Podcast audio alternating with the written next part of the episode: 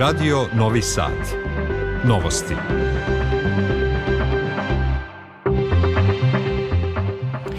Dobar dan, ja sam Slobodan Vidović. Moje ime je Jadranka Mitić. Ovo su najvažnije vesti. Dinari opet vraćeni sa Jarinja.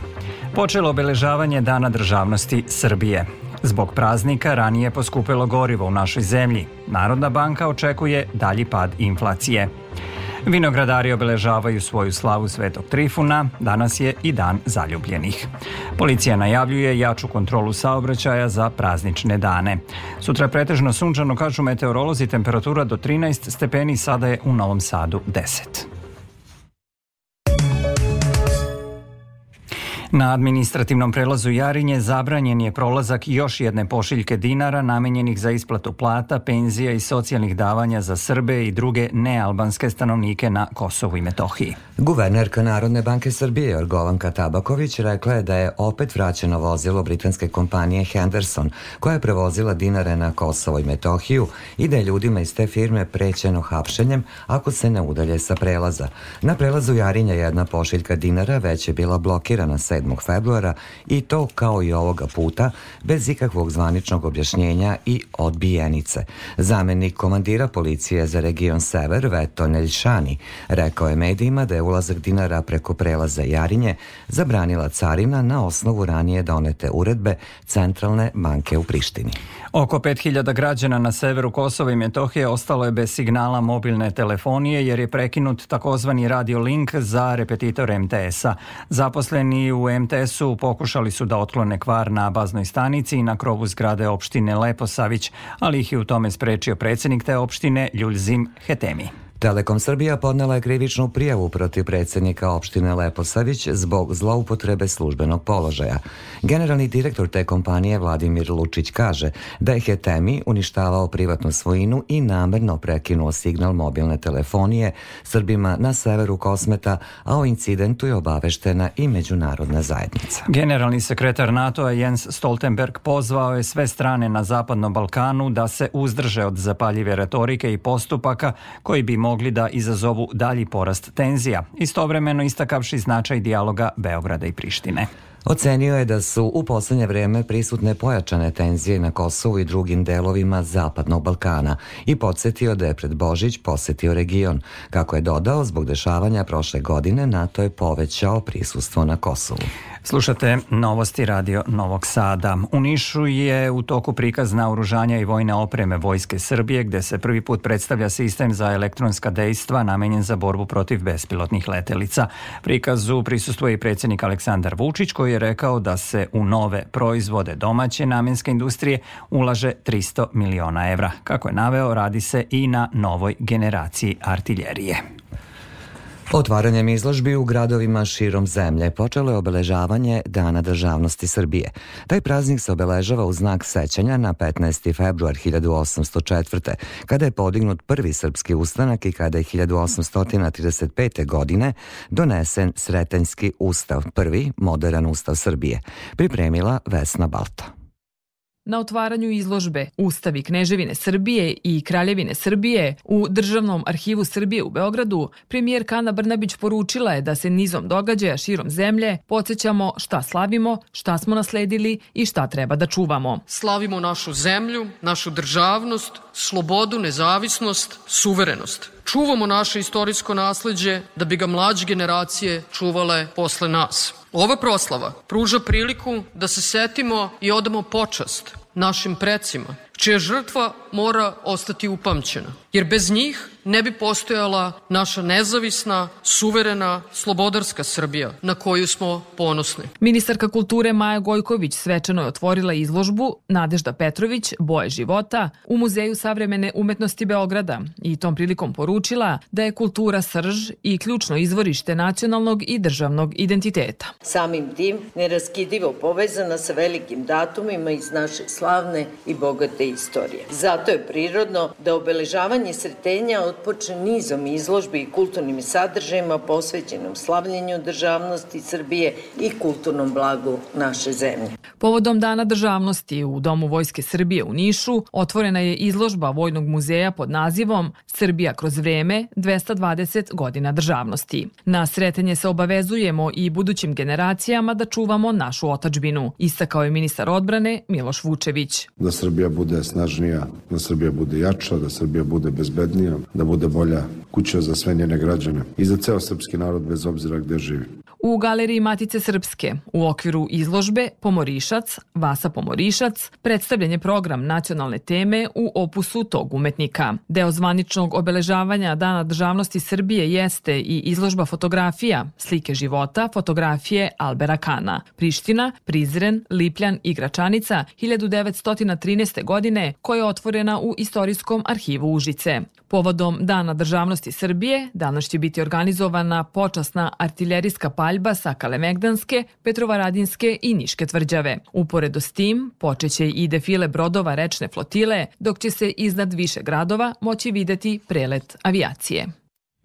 Povodom Dana državnosti Srbije predsedniku Aleksandru Vučiću praznik su čestitali mnogi svetski zvaničnici, među kojima su i predsednici Sjedinjenih američkih država, Rusije, Turske, Francuske, Italije i Kine. U čestitki Josefa Bajdena između ostalo kaže se da Sjedinjene američke države ostaju posvećene pomaganju Srbiji u jačanju njenih demokratskih institucija.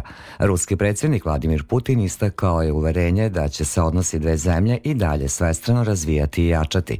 U čestitki Xi Jinpinga pridaje veliki značaj odnosima Srbije i Kine. Emmanuel Macron je poželeo da Francuska i Srbija nastave da jačaju svoje odnose, posebno kroz ekonomske projekte, uključujući uključujući i Expo. A predsjednik Vučić primio je danas ambasadora Ruske federacije Aleksandra Bocan-Harčenka koji mu je uručio čestitku predsjednika Putina povodom Dana državnosti. Vučić je na Instagramu napisao da je zahvalio na čestitkama. Posebno je, kako navodi, istakao izuzetnu simboliku sretanja kao praznika na koji se susreću naša istorija i državnost, slobodarski duh i ljubav prema otačbini i najvišim vrednostima za koje smo se vekovima borili. Zbog praznika ranije su objavljene nove cene goriva i to povećane za 3 dinara. Do sledećeg petka litar dizela će koštati 205 dinara, a benzina 184. Inflacija u Srbiji nastavlja da usporava i do sredine godine dostići će ciljana 3 plus minus 1,5 odsto, ocenila je guverner Narodne banke Jorgovanka Tabaković na predstavljanju kvartalnog izveštaja o inflaciji. Istovremeno ona je procenila i da će privredni rast u ovoj godini biti između 3 i 4 odsto. Zabeležio Đuro Vukelić. Obistinile su se prognoze Narodne banke o tome da će do kraja 2023. inflacija biti prepolovljena, pohvalila se guvernerka Tabaković uz uverenje da će se krajem ove godine inflacija približiti trećem procentu. Takvom kretanju inflacije najviše će doprineti efekti dosadašnjeg zaoštravanja monetarnih uslova, slabljenje globalnih troškovnih pritisaka i usporavanje uvozne inflacije, još uvek slaba eksterna tražnja, kao i očekivani dalji pad inflacionih očekivanja. Postepeno i odmereno pooštravanje monetarne politike smanjilo je inflatorne pritiske. Pritom su, prema oceni guvernera, negativni uticaj na privredni rast svedeni na najmanju moguću meru, a finansijska stabilnost je u celosti očuvana.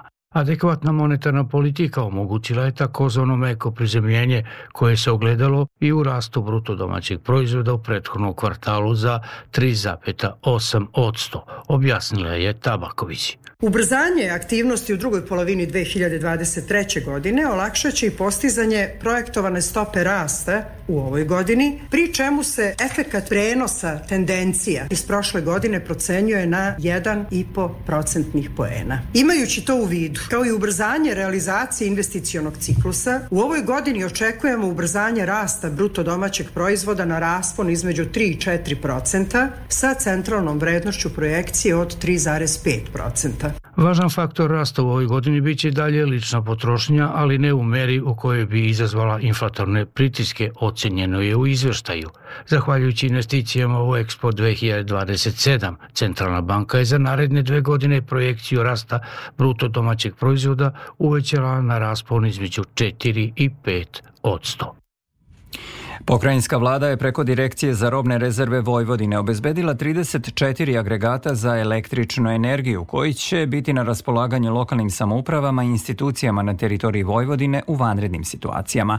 Obezbeđena je i pomoć u prehrambenim proizvodima za dom Veternik, ustanovu socijalne zaštite, koja na trajnom zbrinjavanju ima 500 korisnika različitog uzrasta i stepena podrške. Pokrajinska vlada na današnjoj sednici izdvojila je 33,5 miliona dinara za rekonstrukciju saobraćaja saobraćajnice u ulici Vladimira Nazora u Melencima, najvećem naseljenom mestu na teritoriji grada Zrenjanina, navodi se u saopštenju. Rok za plaćanje poreza na imovinu za prvi kvartal ove godine za fizička i pravna lica i preduzetnike ističe danas. Građani treba da uplate akontaciju koja je jednaka iznosu poreza za četvrti, odnosno poslednji kvartal prošle godine utvrđen rešenjem za 2023. Prema zakonu o porezima na imovinu, porez na imovinu se plaća tromesečno, kamata za kašnjenje iznosi 16,5%. Osim zatezne kamate, porezki obveznici mogu da budu i prekršajno kažnjeni za neplaćanje svojih obaveza, a sankcija za taj prekršaj je 5000 dinara za fizička lica. Svet Izraelske odbrambene snage saopštile su da nastavljaju eliminaciju Hamasovih operativaca u Kan Junisu na jugu Gaze, kao i u centralnom delu pojasa Gaze. Navode da je locirano nekoliko tunelskih okna, ubijeno nekoliko Hamasovih naoružanih napadača i izvršena racija na, kako kažu, značajnim lokacijama koje pripadaju Hamasu. Izraelska vojska je potvrdila da su iz Libana ispaljene rakete na štab Severne komande u Safedu. U napadu je jedna osoba poginula, a osam je ranjeno. Jedna osoba je u teškom teškom stanju. Rat u Ukrajini ušao je u 721. dan u ruskom granatiranju Selidova u oblasti Donjecka poginule su tri osobe, njih 12 je ranjeno, među kojima i četvoro dece. Iz pogođene bolnice oko 100 pacijenata je evakuisano u druge gradove. Bespilotne letelice Ukrajine pogodile su u Crnom moru veliki ruski amfibijski jurišni brod Cezar Kunikov, izvestila je Ukrajinska pravda. Izvori tog lista javili su da je reč o akciji glavne obaveštajne uprave, a da je kao posledica napada ukrajinskih dronova brod navodno potonuo. Ministarstvo spoljnih poslova Litvanije uputilo je protest Rusiji nakon što je ta zemlja juče stavila na poternicu litvanskog ministra kulture i druge političare.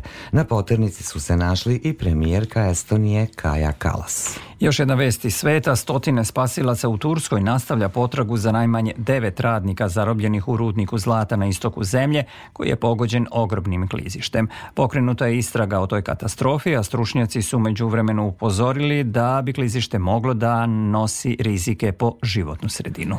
Ovaj rudnik je zatvoren 2020. godine nakon curenja cijanida u reku koja se proteže kroz Tursku, Siriju i Irak. Ponovo je otvoren dve godine kasnije nakon što je kompanija kažnjena i čišćenje završeno.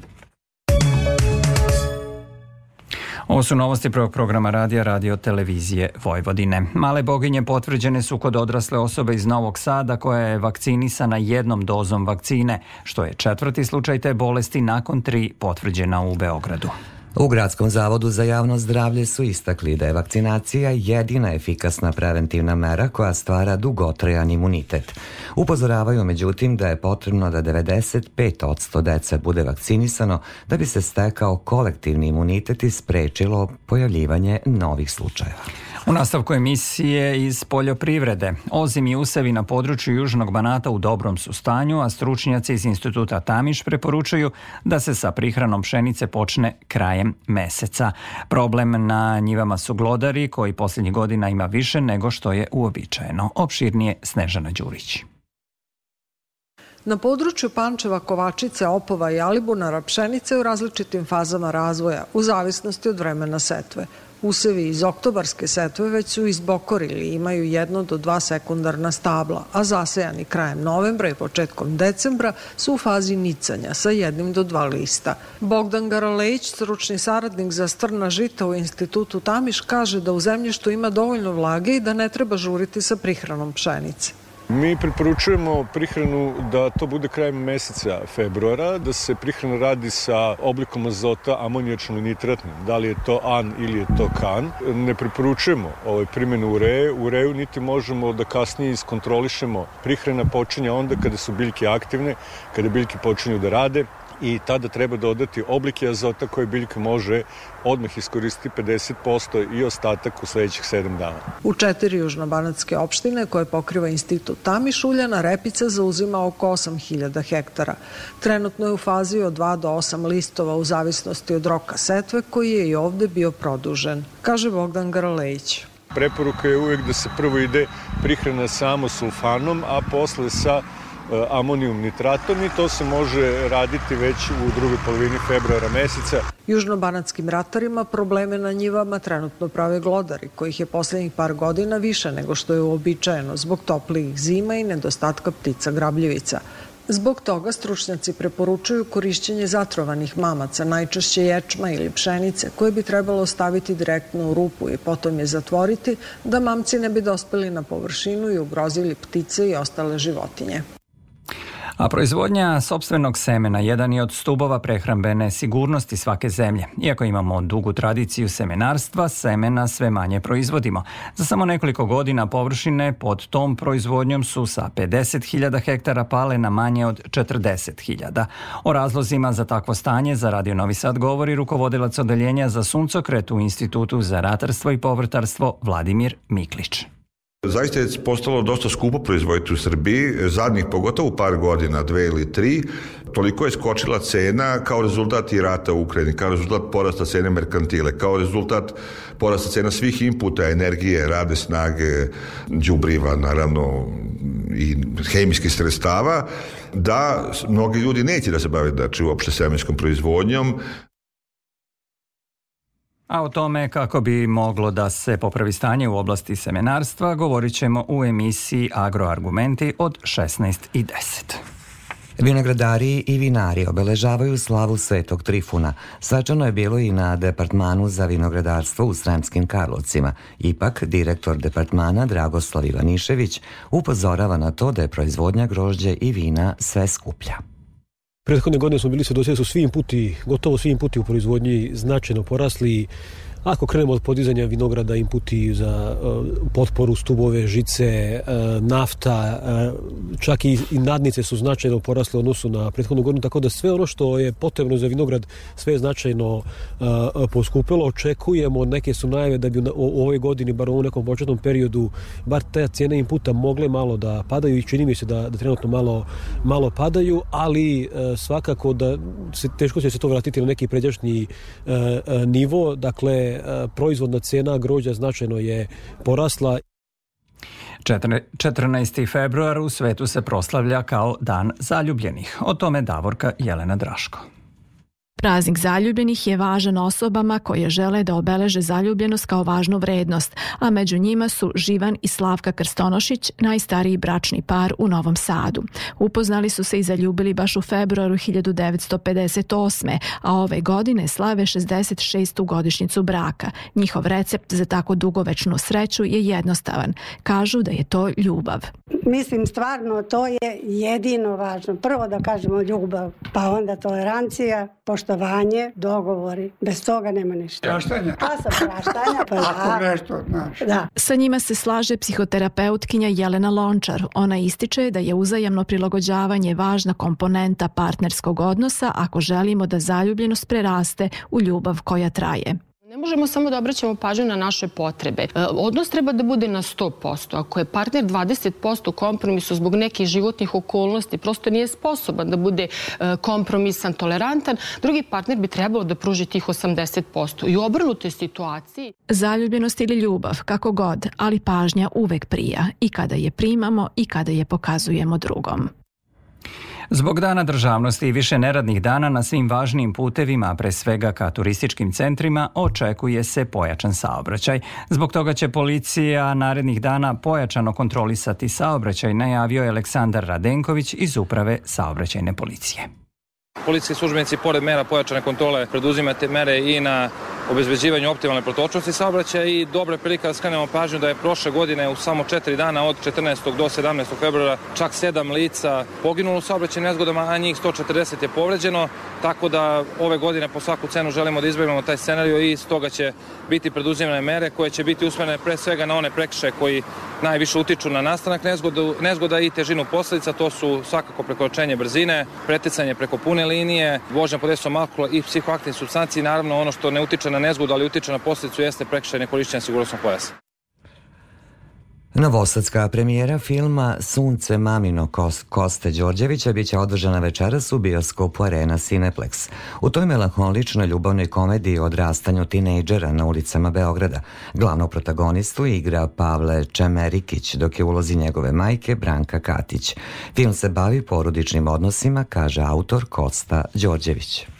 To je odnos između majke i sina i Branke Katić i Pavla Čemerikića, e, ali isto tako odnos e, između e, majke i bake. Tako da govori o jednom generacijskom sukobu koji je prisutan kod nas, prisutan je zapravo svuda u svetu. Međutim, ja sam to obradio u jednom žanru komedije. To nije komedija u klasičnom smislu, ali sama premisa da on iza leđa svoje majke organizuje sahranu svoje bake nudi gomilu komičnih momenta. U novostima i vesti iz sporta u Nišu počinje finalni turnir Kupa Radivoja Koraća za košarkaše. U četvrtfinalnim utakmicama od 17 časova igraju Čačak 94 Borac, a od 20 časova Crvena zvezda FMP. Ostale dve četvrtfinalne utakmice biće odigrane sutra. Nakon zlatne medalje Aleksandra Komarova na Evropskom šampionatu u rvanju koje se održava u Bukureštu, ovog popodneva će se za bronzano odličje boriti još jedan naš reprezentativac u grčko-rimskom stilu, Georgi Tibilov u kategoriji do 60 kg.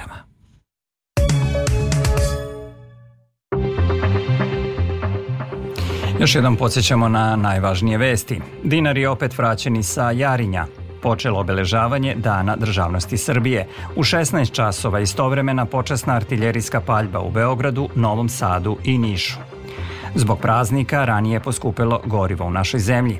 Narodna banka očekuje dalji pad inflacije. Vinogradari obeležavaju svoju slavu Svetog Trifuna, danas je i dan zaljubljenih. Policija najavljuje jaču kontrolu saobraćaja za praznične dane. Slušamo prognozu vremena. U Vojvodini u četvrtok pretežno sunčano povremeno uz malu ili umerenu oblačnost. Vetar slab severozapadni, uveče uz kretanje na jugoistočni. Najniža temperatura od minus 1 do 1, a najviša od 11 do 13 stepeni. U Vojvodini u petak i subotu pretežno sunčano uz malu ponegde i umerenu oblačnost. U nedelju prolazno na oblačenje sa slabom kratkotrajnom kišom. Za Radio Novi Sad, meteorolog Miodrag Stojanović. Slušali ste novosti prvog programa radija Radio Televizije Vojvodine. Ovu emisiju možete da slušate odloženo na sajtu rtv.rs gde su i sve važne informacije iz zemlje i sveta. Emisiju tonski realizovao Ivan Živković, producent Branislava Stefanović. Pred mikrofonom bili Slobodan Vidović i Jadranka Mitić. Sledi Radio Sport pa vesti u 16 časova. Nakon toga možete slušati emisiju o poljoprivredi Agroargumenti.